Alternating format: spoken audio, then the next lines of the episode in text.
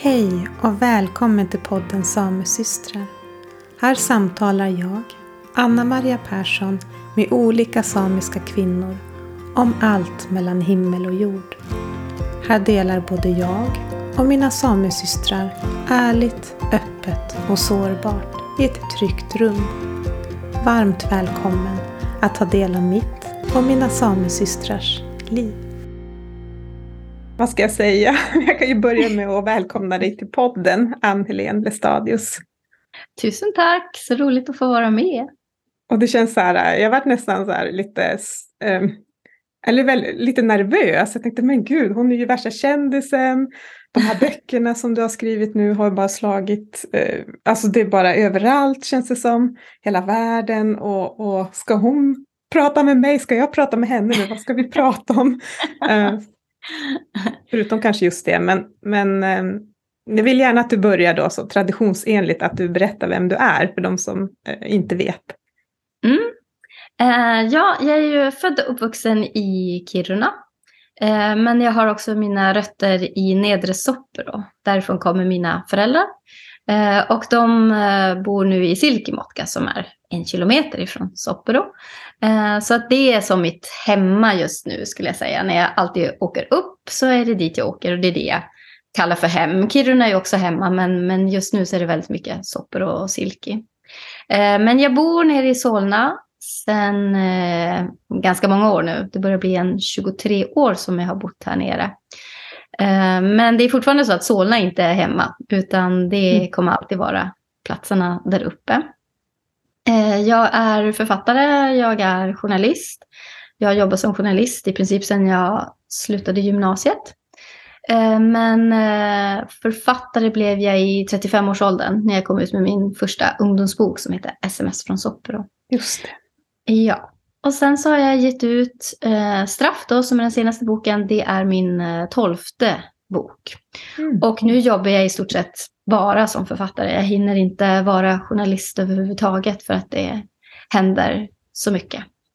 Uh, ja, och jag bor här i Solna med min man uh, Micke och min uh, son Willis som precis har tagit studenten. Så att, ja, ja, det har jag sett. Ja. ja. Men tolv böcker, det är ju jättemycket, eller? Ja, det har varit eh, eh, ganska högt tempo i, i omgångar sådär. Och ibland har det varit något mellanrum mellan böckerna. När jag skrev första serien där om Agnes, mm, som började då med sms från Sopper, och då kom de ut ganska stadigt sådär en gång om året. Eh, och sen så ja, har jag gjort lite annat emellan, men sen så kom de här böckerna om Maja i Kiruna med boken Tio över ett.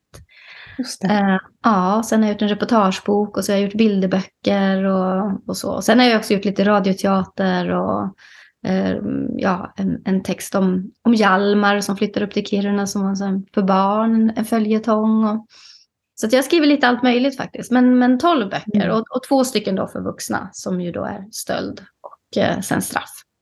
Just det, och de här böckerna, alltså nu har jag i, i princip sträcklyssnat på dem. Den ena har ju kommit för, vad är det, två, tre år sedan. Åren. Mm. Och nu har så svårt att bör, båda börjar på S. Och det är ställd. Precis. Ja. um, och jag känner mig lite så här sen på bollen. Jag har lyssnat på, dem, på den nu då och sen straff kom ju bara här för några månader sedan egentligen. Ja, slutet på januari kom den ut. Mm. Um, och jag skrev det till dig också, att du har varit på min så här lista över gäster som jag har velat prata med.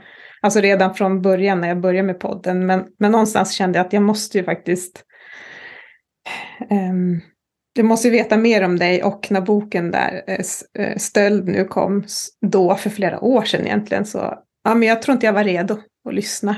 Det är väl det där Nej. också. Mm. Nej men det är, ju, det är ju något jag känner igen, att, att det är en del som har um, varit lite rädda nästan för mm. att uh, läsa den boken. Att det har funnits ett visst, liksom, ja, men en viss rädsla för hur man ska känna och hur man ska må kring att läsa den. Så att, uh, det förstår jag, det är inte ovanligt. Mm. Men vart kommer inspirationen till, till de här vuxenböckerna plötsligt då? Eller är det, har det varit en lång pågått länge innan? Ja, ja, men det har varit en lång process eh, med de här böckerna. De har egentligen funnits med mig eh, ja, men säkert 15 år eller något sånt där. Eh, mm. Så har det ändå funnits något slags frö hela tiden. Jag har hört saker, jag har tänkt på saker. Men det har bara inte varit rätt tid att skriva. För jag visste ju att det skulle bli svårt och att det skulle bli tufft. Och jag kände att jag måste själv vara mentalt förberedd för att klara av att berätta de här historierna. Just. Eh, och eh, framförallt nomadskolan som ju straff handlar om, mm, som ju också är så, blir så personlig för mig eftersom min mamma har gått i nomadskolan och, och det har påverkat mig och så. Så att den kände jag att den fick jag skjuta på lite, lite till. Så att jag började med stöld. Eh, som ju inte riktigt är min värld eftersom jag inte är renskötare och inte uppvuxen i en renskötarfamilj. Min mamma är ju det, men, mm. men jag har ju inte den bakgrunden. Men det har ju ändå funnits ganska nära mig via släktingar och ja, kusiner och sådär som är renskötare. Så att, eh, ja, nej, men jag visste verkligen att jag måste skriva det här någon gång. Och jag, jag tror att det var flera saker som till slut blev den utlösande faktorn. Alltså jag började fundera då för, ja men nu är det väl snart kanske 8-9 år sedan, som jag började samla på mig saker. Och jag började följa vissa renskötare på sociala medier. Jag tog kontakt med vissa och uh, följde med andra ut och, och sådär. Och fick höra deras berättelser. Um, och hur mycket de lider på olika sätt, hur svårt det är, hur tufft det är. Uh, och det var verkligen så omtumlande att vara med om de här samtalen och vara med ute. Uh, men uh, det blev också väldigt tydligt att jag måste skriva om det här och jag måste på något sätt orka göra det. Mm. För att det kändes så otroligt viktigt. Mm. Mm. Och vad handlar stöld om? Stöld handlar om Elsa som växer upp i en renskötarfamilj som har det svårt därför att det finns personer som eh, dödar deras renar. Eh, Elsa är nio år och hon är inte helt eh, medveten om vad som pågår. Men boken inleds ju med att hon kommer till Gärdet och ser en person som hon känner till som precis har dödat hennes renkalv. men han hotar henne till tystnad och hon berättar ingenting. för att hon är så rädd att familjen ska drabbas på något sätt. att den här personen är farlig, det vet hon och hon mm. vågar såklart inte eh, sätter sig upp mot honom. Eh, så det är en historia om henne först som barn och sen i 20-årsåldern. Och det finns flera andra perspektiv också där man får följa även också förövaren, eh, mm. Robert, eh, som har ihjäl renarna. Men så är det också Elsas storebror och Elsas bästa kompis mamma. Och så. så att det är en historia från olika personers perspektiv Eh, och det handlar väldigt mycket om att växa upp på små ställen där alla känner alla och där det begås brott men, och alla vet vem det är men ingen vågar anmäla, ingen vågar säga någonting. Och hur man också på något sätt föds in i bestämda roller och um, mm. hur det frodas en vardagsrasism och hur det här pågår i skolan mellan barnen och vart det kommer ifrån och sådär. Så att, ja, det finns ganska många ingångar i, i, i boken. Mm.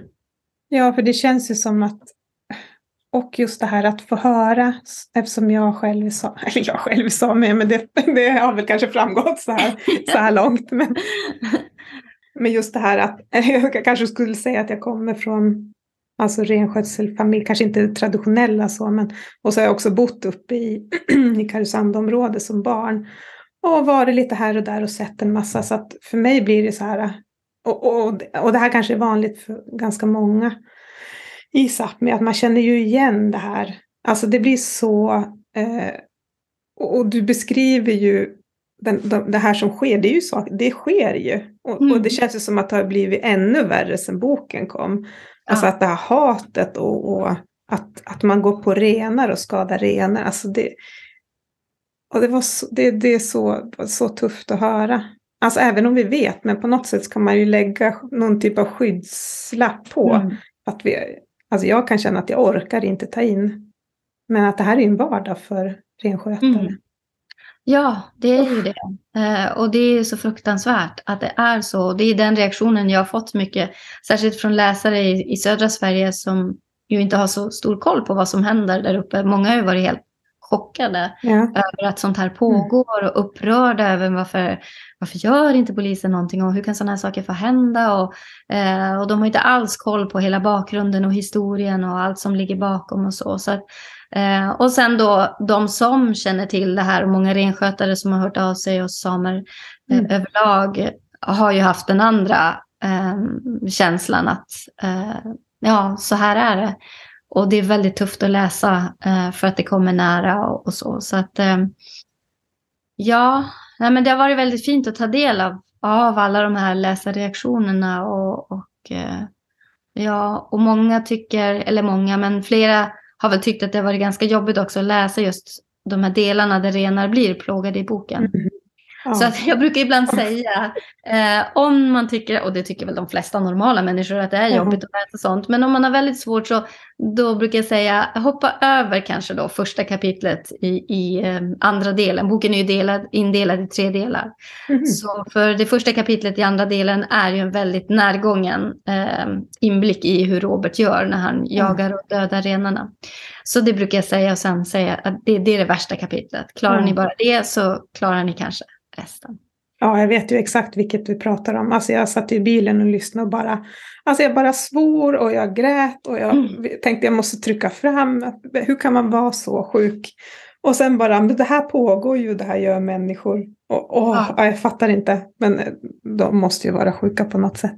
Ja, Det- det så. Och, och grejen är att just den scenen, flera av de detaljerna som finns där är ju från verkligheten. Ja, eh, saker som jag har hört. Så det är inte så att det är en påhittad scen. Men, men det var ju också så att jag verkligen så tänkte hur specifik ska jag vara? Hur mycket ska jag berätta? Eh, ehm, för att jag visste att det skulle bli så tufft för folk att läsa. Men samtidigt kände jag på något sätt att man måste, man, om man verkligen ska förstå hur illa det är och hur, Mm. hur hemskt det kan vara. Och just den här känslan att komma och hitta sin ren sådär och förstå vad den kan ha varit med om. Alltså, då tror jag att man måste vara eh, väldigt eh, detaljrik faktiskt för att det ska nå fram ordentligt. mm. Men hur har reaktionerna varit då? För att jag tycker jag ser det överallt. Så att, att det har varit så mycket uppmärksamhet och är fortfarande. För nu har du kommit med en till bok som är helt jätteviktig. Ja. Också så hemsk, men så viktig. Och den vill jag också prata om. men, men bara överlag liksom. Att, och just det här att våga också berätta de här historierna. Mm. Jo, det, det har ju varit det som har gjort att det har tagit så länge för mig att våga skriva dem. Att jag måste känna att jag bottnar i mig själv och att jag har ehm, ja, men orken att ta emot det som kommer komma av läsare och det som kommer hända med mig själv när jag skriver dem. Eh, för att det har ju varit otroligt tufft att skriva eh, såklart. Men eh, ja, jag vet inte. På något sätt så har det också känts som att det är ett måste. Mm. Eh, för mig själv också, att, att jag måste bearbeta saker. Eh, för att jag i förlängningen är så påverkad av saker som har hänt min mamma och saker som har hänt samer. Alltså att vi, vi bär det här bagaget. Det finns en, en sak som går vidare. Det finns skuld och det finns sorger och det finns sådana här svårigheter som på något sätt går vidare i arv. Och jag behövde bearbeta det som har följt med till mig. Och på ett sätt så blev det genom de här böckerna. Mm. Alltså jag var så fruktansvärt arg när jag skrev båda två. Eh, alltså jag verkligen så här... Ja, det är så mycket känslor. Jag blir så förbannad över att det kan se ut som det gör och att det kan hända sådana här saker. Och att jag sitter här och inte kan prata samiska och vems fel är det? Och folk fattar inte. Och ja, det är så mycket känslor. Mm. Mm.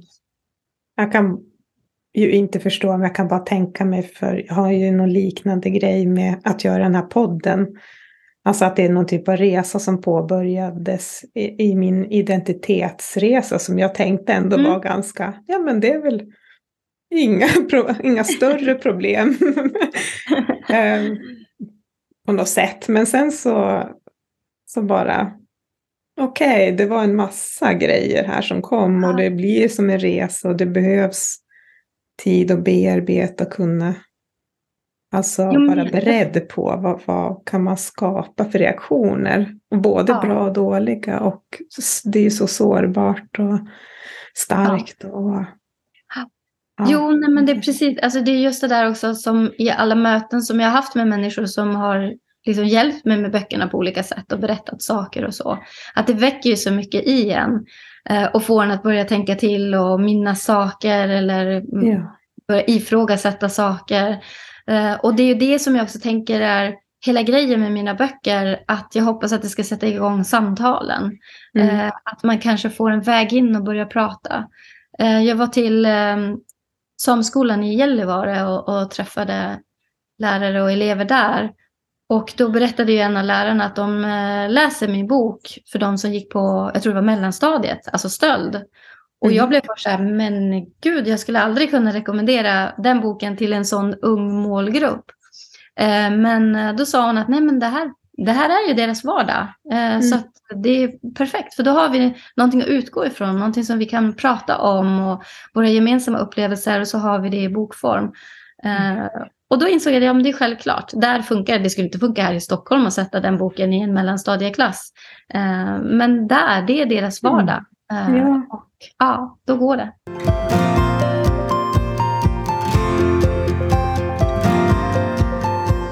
Och den här andra boken, Straff, vad handlar ja. den om? Ja, den handlar om nomadskolan eh, där man får följa fem barn eh, när de är sju år gamla och blir satta i nomadskolan i Lattevarri, som ju då är Lannavaara eh, på svenska. Mm. Eh, och eh, man får följa dem, jag växlar liksom mellan 50-tal eh, och 80-tal. Så man följer dem som små barn på 50-talet och sen på 80-talet så får man se hur de har påverkats och vad de har blivit för typ av vuxna beroende på vad de var med om på nomadskolan. Och ehm, några av dem, två av dem har valt att stanna kvar i renskötseln och tre av dem har valt att flytta till Kiruna. och alla brottas på olika sätt med sin identitet, med sina känslor kring det de har varit med om. Och ganska många kan man väl säga har Ehm, problem med sina relationer, med sina nära relationer med eh, mm. eh, anhöriga och, och, så och förhållanden och, och så. Och det finns också en person men, som verkligen har lämnat det bakom sig och som på något sätt startar om på nytt i Kiruna och blir eh, ja, men svensk. Ja. Mm. Mm. Och det här med nomadskolor också. Alltså, jag, jag har lyssnat på någon intervju med dig också. Ehm, alltså syftet med, där du bara berättade om, om den här boken också. Och eh, syftet med nomadskolan var liksom att eh, behålla de här renskötande barnen i sin form, eller vad man ska mm. säga. Eh, att de ska fortsätta vara den här lägre stående rasen samer, för det första, och renskötande samer. Men alltså att, och att de ska få en möjlighet att fortsätta leva det livet i nomadskolan. Men det var ju raka motsatsen. Jag vet. Det är det ja. som är så sjukt. Ja, det är verkligen så sjukt. Uh, nej, men uh, jag tror väl att det också handlar om att det kom lärare dit som inte kunde, uh, kunde prata samiska såklart. Och så blev allt språk på svenska. Men på det sättet som de blev behandlade, det är ju helt, ja, men helt horribelt och helt obegripligt. och Ja, men just också att de här internaten och där de var utsatta för husmor och att, att det mm. oftast var där som det var, som jag, som jag uppfattat det är ganska många när man har hört folk prata om det här, att, att i skolan visst det kunde vara tufft och man kunde råka ut för saker och ting och bli slagen över fingrarna eller sådär, bli nypt i öronen och så, vilket ju också är nog illa, men att mm. internaten var de värsta mm. eh, platserna ändå. Mm. mm. Ja, helt usch. Ja. Nej men alltså när man försöker tänka på det där att som sjuåring bli plockad från sin familj och ja. eh, sättas i en miljö där man inte längre får prata sitt språk och där man ska skämmas över vem man är. Ja. Och där man är så utlämnad, där man inte får tag i sina föräldrar och alltså den ensamheten man måste känna Uh, och också som en av pojkarna i boken så blir svårt mobbad och uh, illa behandlad av de andra barnen. Mm. När inte ens tryggheten finns där. Och, och, att man också ska behöva leva med de personerna som slår en nästan varje dag i dygnet runt i månader och inte ha en vuxen att vända sig till. Nej men det är så fruktansvärt så det går ju nästan inte ens att, att föreställa sig. Nej men det går ju inte. Alltså jag tänker bara ta sjuåringar idag. Nej, men nu ska ni flytta hemifrån. Mm. Får inte prata med era föräldrar. Mm. Alltså att, nej men jag, som förälder så, alla föräldrar måste ju bara tänka att, men alltså det skulle vara helt ja. orimligt. Och det här är ju inte ens så mm. länge sedan. Nej, det är ju nej. det. Ja. Ja, nej, det är verkligen, eh, det är så fasansfullt. Eh, och återigen att jag kan bli så himla arg. Eh, att man utsatte barnen för det här. Och att det har fått sådana konsekvenser som har följt med i generationer. Mm. Ja, nej det är verkligen, det är helt oförlåtligt. Mm. Mm. Att det har ju varit sådär då att, och som och jag kan ju också säga, jag tänker på de historier jag har hört hemifrån. Min Aja till exempel. Som också, jag antar att det var nomadskola, hans föräldrar var ju renskötare. Mm. Men han har ju som inte så här... Han var ju en, en glad storyteller, så han har ju berättat väldigt, väldigt mycket. Men han har ju alltid liksom varit så glad och det har alltid varit en rolig historia. Och första gången han kom dit så, liksom så såg han ett djur på marken som han varit jätterädd för. Så stod, satt han i ett träd hela första skoldagen. Mm. Och det visade sig att det var en ko. Och eh, han visste inte vad det var för någonting. Och, och då var det ju det en sån jätterolig historia. Och sen också, ja men det har varit sådär Ja, det är ju kanske, eller jag, jag i alla fall har inte fattat då kanske att det här var kanske var jättetrauma för honom hela grejen. Ja men det där tror jag är ju jättevanligt. Alltså det där att man på något sätt vill skydda sina ja. barn och barnbarn. Man vill inte berätta hur illa det var. Uh, och så blir det nog lätt så att man man, ger, man på det sättet uh, ja, men försöker hitta någonting som man ändå kan berätta. Och, så, och, och också på något sätt försöka vända det hemska. Och, och, mm. och ja, jag, jag, tror att det är någon slags självbevarelsedrift i det där. Uh, att, man, mm, att det är för tungt helt enkelt. Jo, men för jag, nu när du säger det så känner jag ju också igen de där sakerna. För att mamma har ju också uh, berättat en del saker som har varit så ganska ja, men lite roliga. Så här, mm. Åh, det här gjorde de busiga pojkarna och den här läraren eh, gjorde de si och så med och de satte häftstift där. De, ja. alltså, sådana där saker. och då har man liksom inte förstått utan de var så ja, ja, nej men vad, vad, ja, så var det. Utan det har ju varit att jag har hört det som nästan av en slump. Eh, att hon pratade kanske med någon annan som också har gått på nomadskolan. Att de kom in på någonting som lät betydligt mycket tyngre än det jag hade hört som barn. Eh, och det var ju så jag började förstå, och så här, men vänta nu, vad är det egentligen för skola hon har gått på? Och det dröjde ju länge innan jag förstod att de inte hade fått komma hem eh, mm. vid skoldagens slut. Eh, inte ens vid veckans slut, utan att de mm. bodde där. Och såna. Så att det där är ju ett, mm. liksom ett pussel som man har byggt sakta och försiktigt genom åren. Och sen när man förstod vidden av det, då insåg jag ju hur svårt och tungt det var. Och då vågade jag verkligen inte fråga någonting om det, för jag var ju ja, men ganska rädd för vilka svar jag skulle få. Jag visste inte om jag orkade höra mm. eh, på det som de hade varit med om. Eh, så att eh, ja, det är, det är därför jag har tassat omkring på tåg ganska länge och sådär. När ska jag våga ta itu med det här? Eh, och det var verkligen pandemin som gjorde det. Att jag satt här i, i Solna, fick inte åka hem, hade liksom ingen jag måste vara hemma för att jag ska kunna skriva mina böcker. Jag behöver vara vid Lainioälven, jag behöver vara hos mamma och pappa, jag behöver höra samiskan ute på byn och sådär.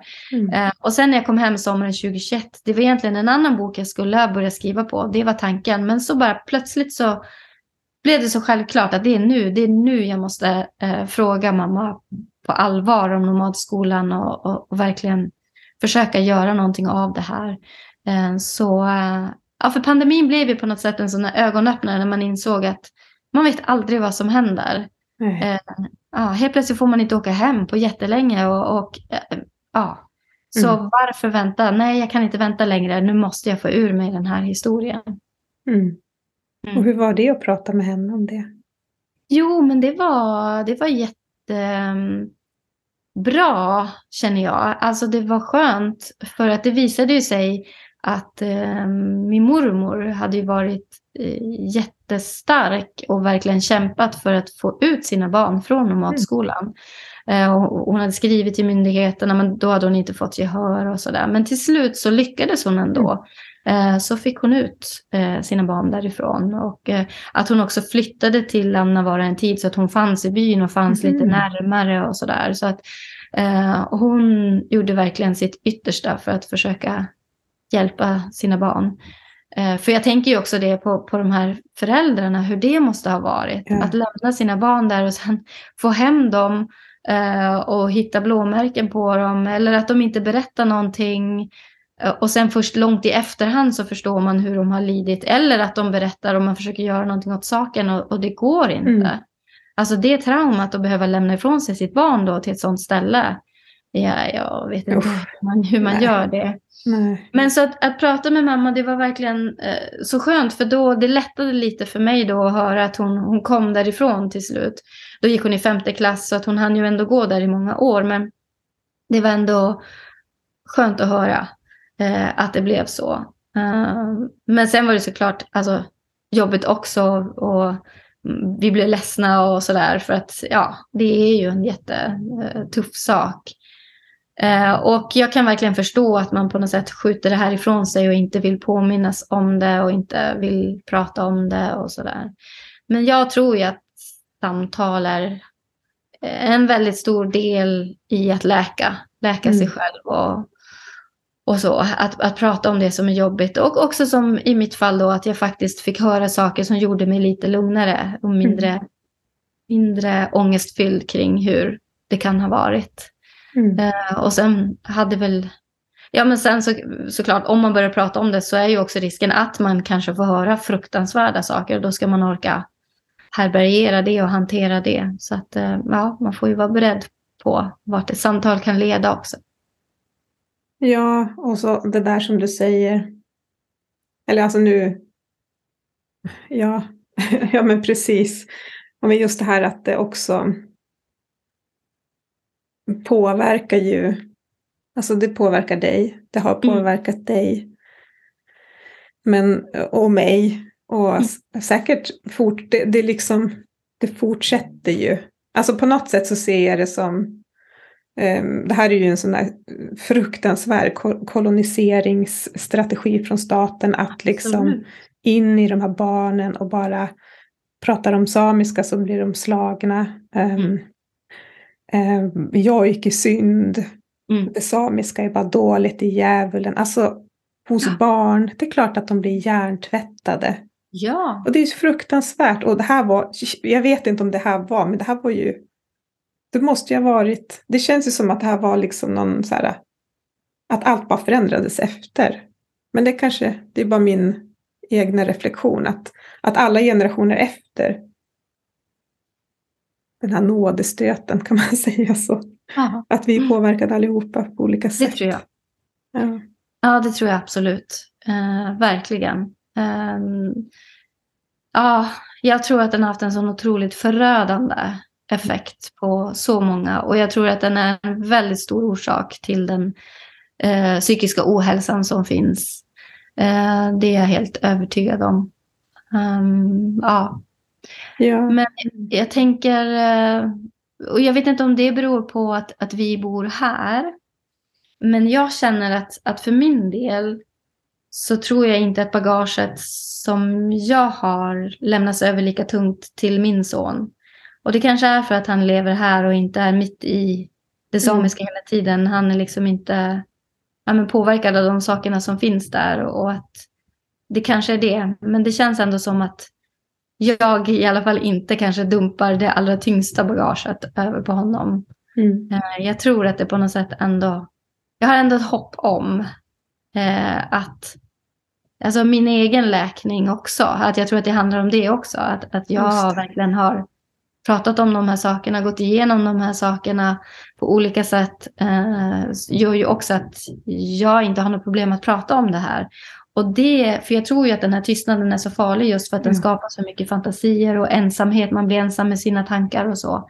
Men har man en förälder som berättar eller någon vuxen som berättar från början. Det här och de här sakerna har hänt och det har påverkat sig och så. Och jag mår så här därför att.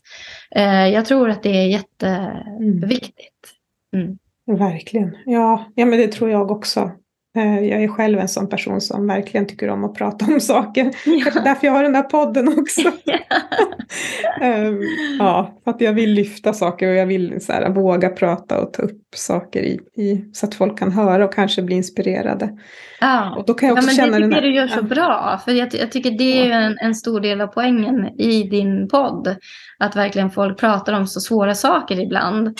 Eh, och jag tror att det ger hopp till andra och att det ger också en, ja, men ett mod att, att våga börja prata. Och kanske börja tänka på ett helt nytt sätt. Alltså jag tror att sånt här betyder mycket. Mm. Mm. Mm, fint. Ja. Mm. Mm. Ja.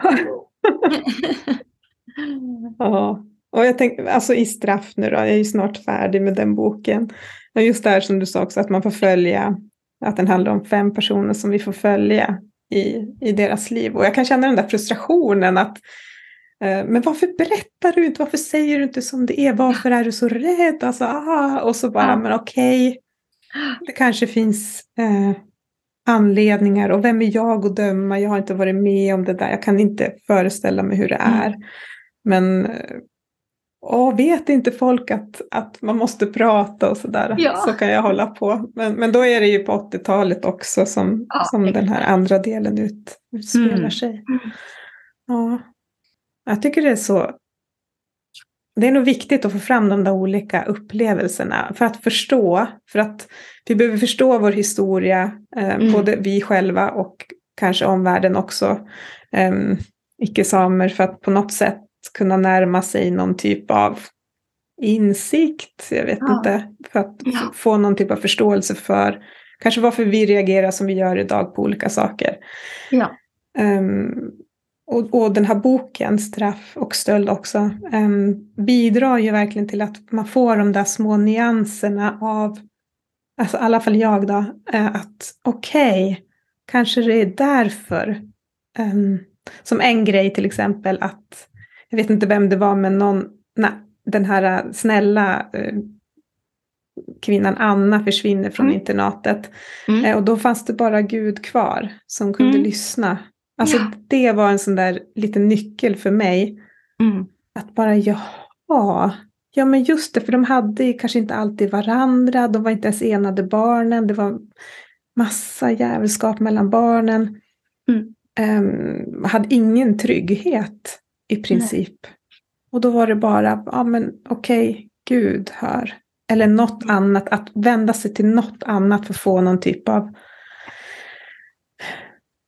trygghet eller stöd eller något. Ja, ja men så tänker jag. Alltså den desperationen ja. som man måste känna i en sån situation. Eh, att det måste finnas någon som lyssnar. Mm. Och när det inte finns en verklig person så blir det en gud kanske. Ja, mm. och så kanske man har hört, alltså jag vet inte hur det var om de skulle liksom kristnas i de här skolorna. Ja. Okej. Okay. Ja, men det var ju väldigt viktigt. Ja. Med det kristna det. elementet också. Mm. Just det.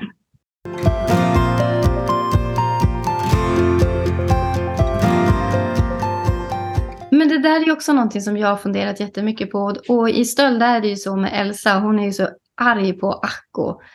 Hur kan du vända dig till kyrkan? Du vet ju vad som har hänt och vad ja. de har gjort med oss och vad de har tagit ifrån oss och ändå vänder du dig dit. Eh, och eh, Elsas Akko då i stöld är ju sen Elsemaj i straff.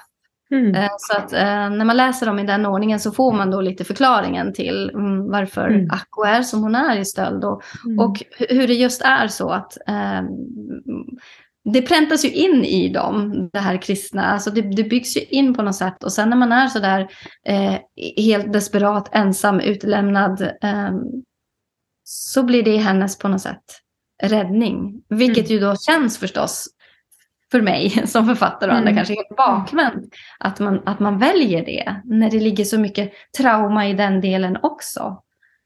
Mm. mm. Jag tror det där den, det är en, en superviktig pusselbit för alla som kanske sitter med samma funderingar. För jag har ju mm. andra också bara, men, men hur kan de vara kristna? Alltså vi förstår inte, vad, vad är det? Herregud så. Mm. Ja. ja. Jag vet, jätteintressant tycker jag att det är. Ja. Det, det, är ju väldigt, det är därför, alltså det kristna finns ju med i båda de här böckerna. Eh, för att jag är väldigt eh, ja, men intresserad och eh, även själv påverkad av att ha det här omkring mig. Eh, inte i min närmaste familj, men, men ändå att, att det, det, har, det här har funnits. Mm. Och, och, det märker man ju då också att det har följt med sedan dess. Någon, någon slags, för jag menar när jag lär känna vänner här nere, det är väldigt sällan som någon har en koppling till det kristna. Men jag upplever liksom i Sápmi så är det ganska ofta att man har det. Ja. Ja. Mm. Gud vad intressant. Det är ja. sant. Mm. Mm, det har jag inte tänkt på, men ja, verkligen. Ja. Och är, är det någon som funderar på vad det innebär? Ja, det är klart att det är, men, men ja. Och det kanske är på grund av det här. Mm. Ja, det kanske är det. Ja, ja verkligen. Mm. Mm. Men hur har det varit då? Alltså du har ju fått så mycket uppmärksamhet. Mm. Alltså hur förstår folk som icke-samer eller alltså vad sker? Jo, men jag tycker det. Jag tycker verkligen att båda mina böcker har nått fram och nått ut på ett sätt som mm. jag aldrig ens hade vågat drömma om. Och folk har verkligen tagit till sig böckerna, eh, skriver till mig, hör av sig och ja, men de har lyssnat när jag varit med på olika radioprogram och varit med på tv och sådär. Då, då är det också ofta folk som hör av sig och så. så att, nej, men jag är bara så himla glad och tacksam för att eh, det är det här som var mitt mål också. Alltså mitt främsta mål med att skriva böckerna, det var för samerna själva. För mm. oss själva, att vi ska liksom känna att det finns eh, böcker som handlar om oss och våra miljöer, våra människor, vårt sätt att tänka. Eh, att man helt enkelt ska få den här viktiga igenkänningen som läsare. Och det andra var ju förstås att, att nå ut, att folk måste förstå vad som pågår. Mm. Eh, och varför det ser ut som det gör i det samiska samhället idag, vilka mekanismer som ligger bakom. Och sen samma sak då nu när böckerna har kommit ut i så många länder utomlands också. Så där har det känts så viktigt för mig att på något sätt poängtera att Sverige är inte det superfina, jätte demokratiska, bra landet som alla tänker om Sverige, utan att det faktiskt finns en, en väldigt mörk historia och hur illa man har behandlat oss och vad mm. det har fått för konsekvenser. Uh, så uh, ja, nej men det är bara... Ja, nej jag vet inte. Det är, det är nästan så svårt att ta in faktiskt. Uh, ja, men jag har gjort så mycket knasiga, roliga grejer. New York Times kom till Oj. Silke och gjorde en intervju.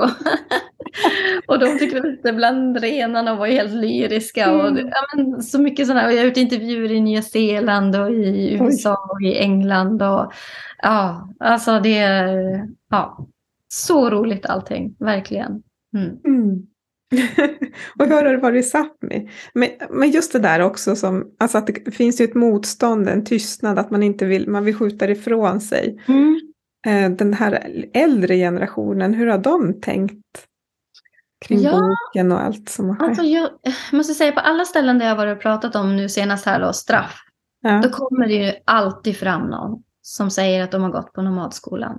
Mm. Och det är så rörande för ganska ofta när jag ställer någon följdfråga så blir det som att det låser sig. Alltså det har varit så stort för dem att bara säga att mm. de har gått på nomadskolan och sen känns det som att det väller upp så mycket i dem så att det sen bara tar stopp. Och då har vi stått där, usch jag blir alldeles nu också för att ja. det är så, ja, det är så rörande när de mm, blir liksom så, ja, men så tagna. Um, och att de påminns om någonting och så. Så att, uh, oh, fy, så många sådana möten som verkligen gör mig nästan slår undan fötterna på mig. Och då blir jag också så bra påmind om att Ja men du vet, man sitter som författare, man gör sitt jobb, man skriver, man skriver och sen när det verkligen påverkar en människa på det här sättet, då blir det som värt allt som jag har gått igenom för att skriva de här böckerna när det finns någon som kommer fram som kanske också för första gången säger att de går på en nomadskola. Det kan ju till och med vara så för att ja, så att eh, ja, nej, jag säger att de människorna har verkligen eh, ja, ja, fastnat hos mig, finns hos mig, de mötena som, som jag har haft. Uh, sen har jag sett på Insta ibland när folk har skrivit just att jag måste läsa i omgångar, jag tar ett kapitel då och då och sådär. Uh, ja, och många hör av sig och säger att ja, men nu har jag börjat prata med mamma om det här och nu har jag börjat prata mm. med Ahko om det här och så. Så att ja, det är, uh, ja, det är så fint. Mm. ja. Mm. Det känns ju, alltså du har ju verkligen gjort skillnad då. Genom att våga sätta de här historierna på, i ord. Ja, Ja. jag hoppas det. ja. Hos mig har det i alla fall gjort skillnad. Ja, Ja, alltså verkligen. Jag fick Mm. väldigt mycket så här, aha, jaha, oj, var det Mm. så, okej. Nej men så just det att, att liksom få, få de här pusselbitarna och liksom, aha, okej. Och att inte, och det hoppas jag ju att, att de som läser boken, om vi pratar om straff då, att, att för det är så lätt att vara dömande i det samiska också. mm. Vi dömer varandra. Mm. Ehm, och det är, det är inte bara i det samiska då, men eh, det gör väl alla Mm. människor. Men med just att, att döma någon som inte kan språket. Mm. Okej, men hur såg historien ut? Ja, men precis. Ja, Alltså, det där är så tråkigt. Jag förstår inte hur vi själva på något sätt kan vara så historielösa. Alla vet ju vad som har hänt. Det är väl inte märkligt att, att det är så. Att det är vissa av oss som inte har fått språket med sig. Och också så att man då lägger så här dubbelskam det. eh, Mm. på de föräldrar som inte orkade eller inte ville eh, föra vidare språket. Alltså jag bara känner bara lägg av. Eh, Ja. det, det är bara så dåligt. Eh, utan eh, ja, när det där. Det var ju också en av drivkrafterna att jag överhuvudtaget började skriva böcker var ju just det där att, att bli ifrågasatt för att man inte har språket och så att jag Mm. upplevde det ganska mycket förr. Eh, och att det var skälet till att jag skrev. Och det, alltså det finns ju också med i, i, i stöld eh, framför allt eh, just det här med Elsas mamma som, som kommer från en familj där, där de inte ens vill kännas vid sitt samiska arv och sådär. Och att hon kommer in och verkligen hela tiden känner att hon stångar sig blå för att bli accepterad av, Mm. av Elsas ack och, och sådär. Att, att det ändå aldrig riktigt duger och, och Mm. så. Ja, jag tycker det är väldigt tråkigt. Eh, och det gagnar ingen. Och det är tråkigt att man på något sätt anammar eh, förtryckarnas sätt att förtrycka. Eh, och att använda sig av någon slags, ja, jag vet inte, härskartekniker ibland och, och så. Att, och att förminska folk. Och nej, jag har väldigt svårt för, för allt sånt där. Så mm, har inte Ja. det med kolonisationen att göra? De har Ja. lyckats där. ja, men verkligen. Verkligen lyckats. Ja. Ja. Och fört över sina metoder och sin, sina sätt att argumentera. Mm. Eh, det är ju det är väldigt sorgligt faktiskt. Mm. Jag har en. Jag har ju fått, det har, den reaktionen har jag också fått på straff när jag varit ute och pratat. Att eh, det är vissa som har sagt så här, men jag gick på nomadskola och det var inte jobbigt alls. Och, Mm. Eh, Jag tycker inte alls, och, och absolut så kan det ju vara. Det kan definitivt ha funnits nomadskolor och jag vet att, eh, att det, det har berott väldigt mycket på vem som har varit husmor och vem som har varit lärare och hur de har blivit. Såklart, så är det ju. Men också att det blir den här, men då är det inte sant det du skriver. Mm. Men då blir jag också så ledsen, bara, men, men kan inte du bara vara glad för att du hade en, en bättre skolgång än vad de här ganska stora majoriteten av barnen inte hade? Kan du inte istället känna empati för dem? Mm. Istället för att bli upprörd för att ja, men det var någon som sa ja men du svartmålar nomadskolan. Ni- Ja, med all rätt. Det, det är bland det värsta svenska staten någonsin har gjort. Mm. Eh, så där kan jag också känna så. Men ha lite empati istället. Eh, för, att, för att på något sätt, för på ett ställe blev det ju verkligen så. Det var ju som att de förringade alla personer som satt i publiken som hade gått på nomadskolan och Mm. som mådde väldigt dåligt av det här. Att då sitta och säga att nej men det var inte alls så. Jag lärde mig att borsta tänderna och det var, det var ju jättebra och sådär. Eh, så att, eh, och, ja, det där eh, blir man ju också så. Empati människor, snälla. Mm. Mm. Ja, Men det kanske också är någon typ av försvarsmekanism. det tror jag. Det tror jag definitivt. För det, det är nog så svårt, alltså det är väldigt svårt att erkänna sig själv som ett offer, vad det än är. Så är det ju väldigt, för det blir ju också att då måste man konfronteras med sina jobbiga känslor kring att just vara ett offer.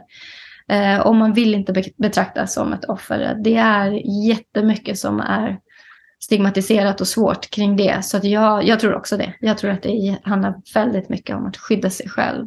Mm. Mm.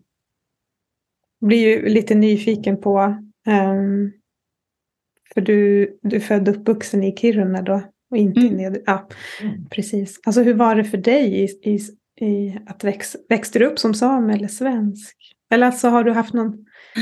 För jag själv har ju haft en kris nämligen och jag blir påmind om dig, den, om den, Mm. när jag lä, äh, lyssnar på boken. Att jag ville stundvis eh, inte ha något med det samiska att göra. Mm. Jag tänker på Cecilia i boken, Mm. eh, straff som bara så här liksom bort med allt. Eh, Ja. Och att det var så hemskt om hennes vänner fick veta att hon var same. Liksom. Ja.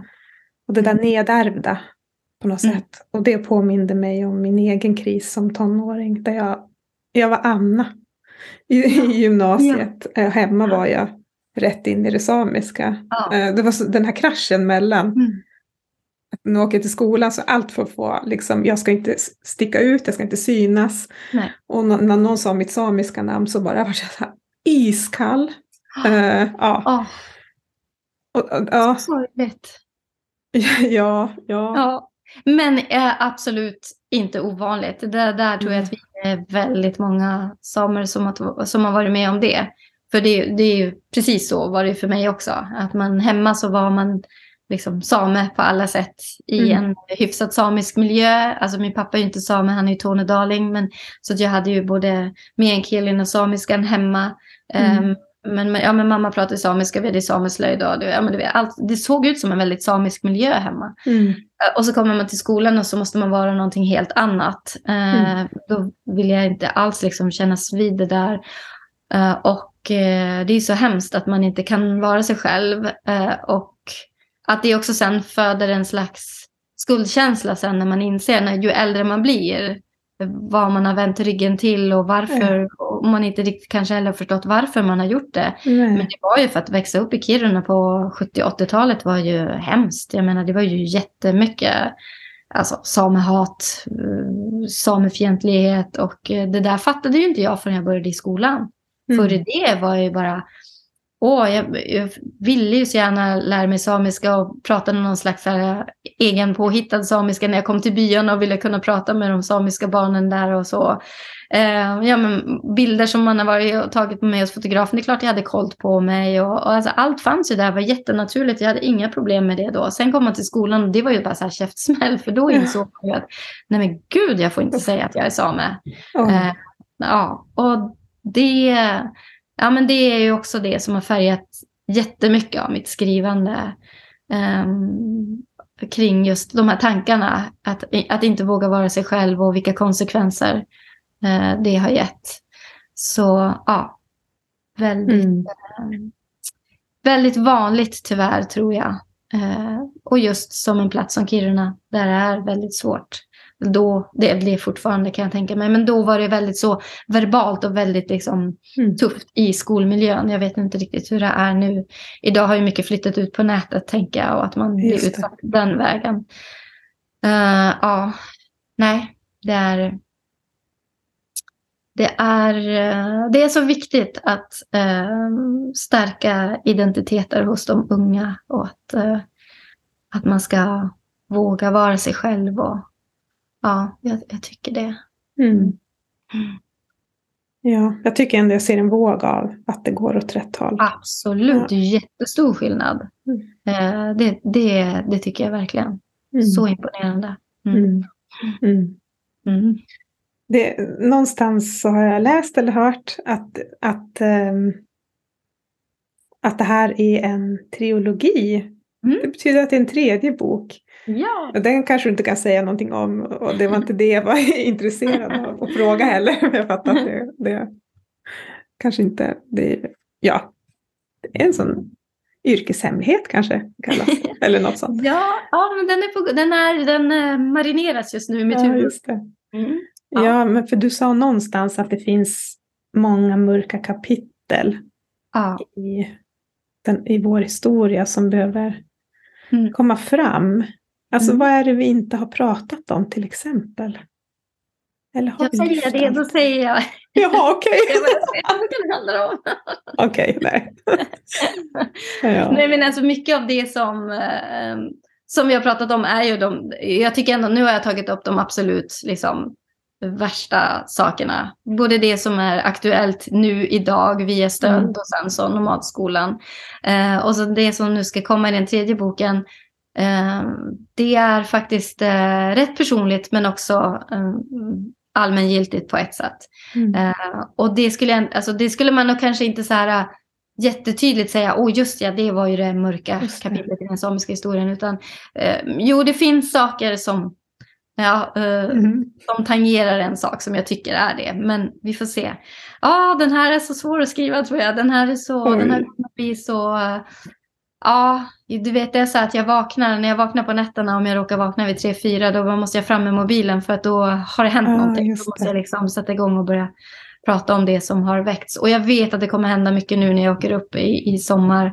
Eh, och ja, så får vi se vart det är, åt vilket håll det drar. Så. Mm. Ja, det, nu får jag så här, vilken press, eller kände du press? Ja, ja men det var, alltså först kände jag ju press för den andra boken eftersom stöld gick så pass ja. bra.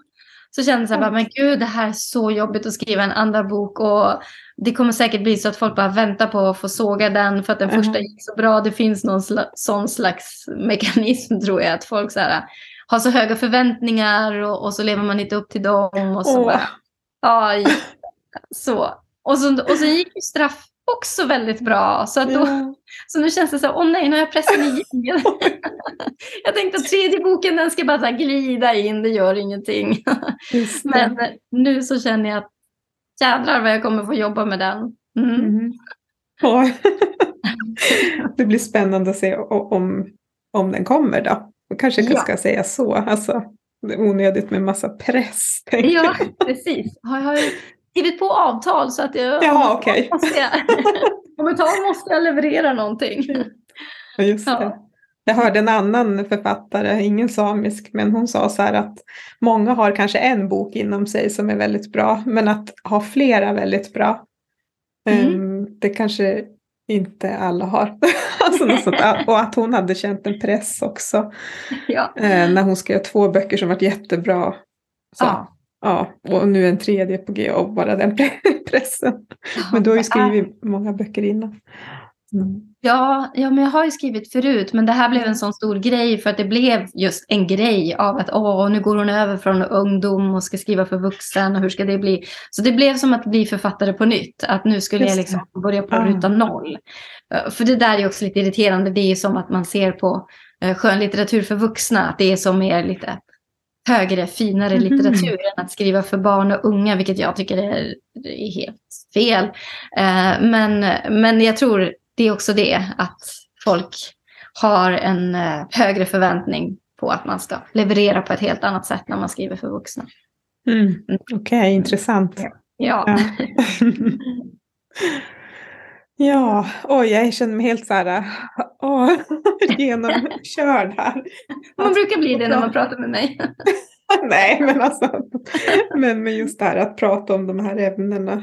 Ja, jag vet, det är det. Ja. Jag har sagt det, någon gång ska jag skriva en rolig bok. Som bara är så ja, glad. Så att jag själv är så glad hela tiden när jag skriver. Och alla som intervjuar mig bara känner sig så här peppiga efteråt. Åh, oh, jag vill också skriva en rolig bok. Ja, ja. Nej, men du har, ja, ja just det.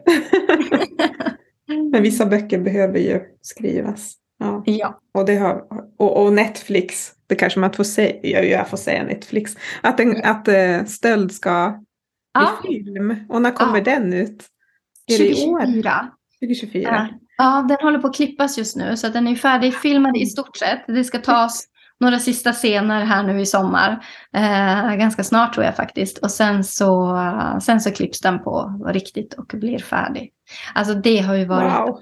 helt fantastiskt. Jag har varit med på två filminspelningsdagar och, och bara få vara med och höra alla i stort sett så här, på viktiga vad man ska säga, positioner, men som Elle-Maria Eira då, som är regissör, som ger regi på samiska. Och det är liksom en Netflix-produktion och så sker cool. allt det här på samiska. Det är så här, nej det var som gåshud att stå där och jag bara, det här händer verkligen. Eh, hon mm. och, och, och, så filmaren Kanare eh, och ja, men flera andra i produktionen och alla de här som jobbade med med kostym och, och, folk från byarna som hjälper till med allt möjligt med skotrar och bilar och renar och hundar. Och, Just.